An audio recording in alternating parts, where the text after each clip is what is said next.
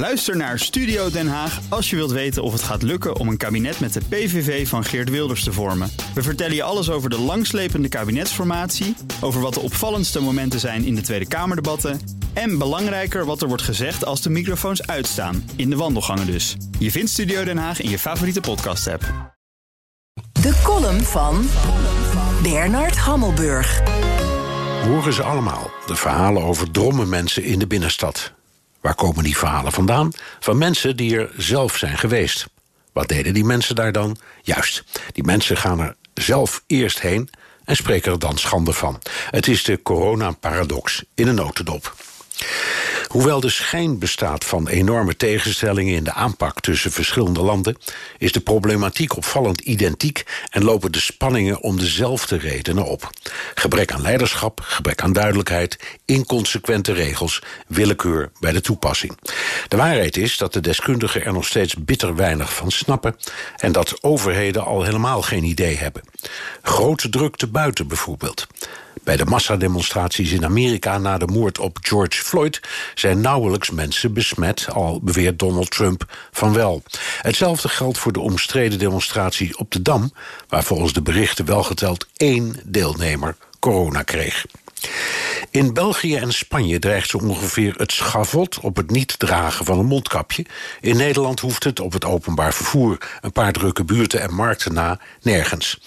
In Amerika schreeuwen de virologen van de daken dat het bewijs overtuigend is dat die mondkapjes het verschil betekenen tussen leven en dood. In Nederland hoor je het RIVM nog steeds denken dat het een schijnvertoning is die nauwelijks uitmaakt, ook met bewijs. Bij ons is de situatie zonder mondkapjes redelijk. In België, Spanje en Amerika is het met mondkapjes een stuk erger.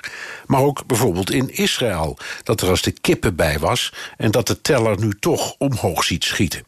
Oh ja, dan was er ook het verhaal van de zomerhitte, want dan zou het virus in het stof bijten. Hoe heet zou het eigenlijk moeten worden? Omdat de wetenschap nauwelijks weet, kan de regering nauwelijks regeren.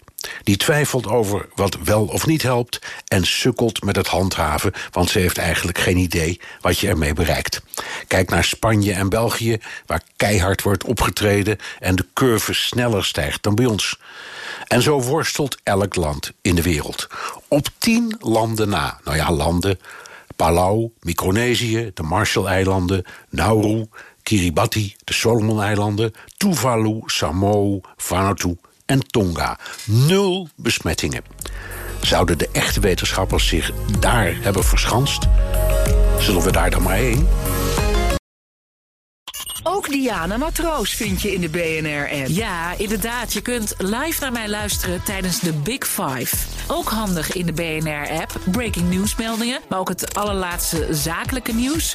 En je vindt in de app alle BNR-podcasts, waaronder Wetenschap Vandaag. Download nu de gratis BNR-app en blijf scherp.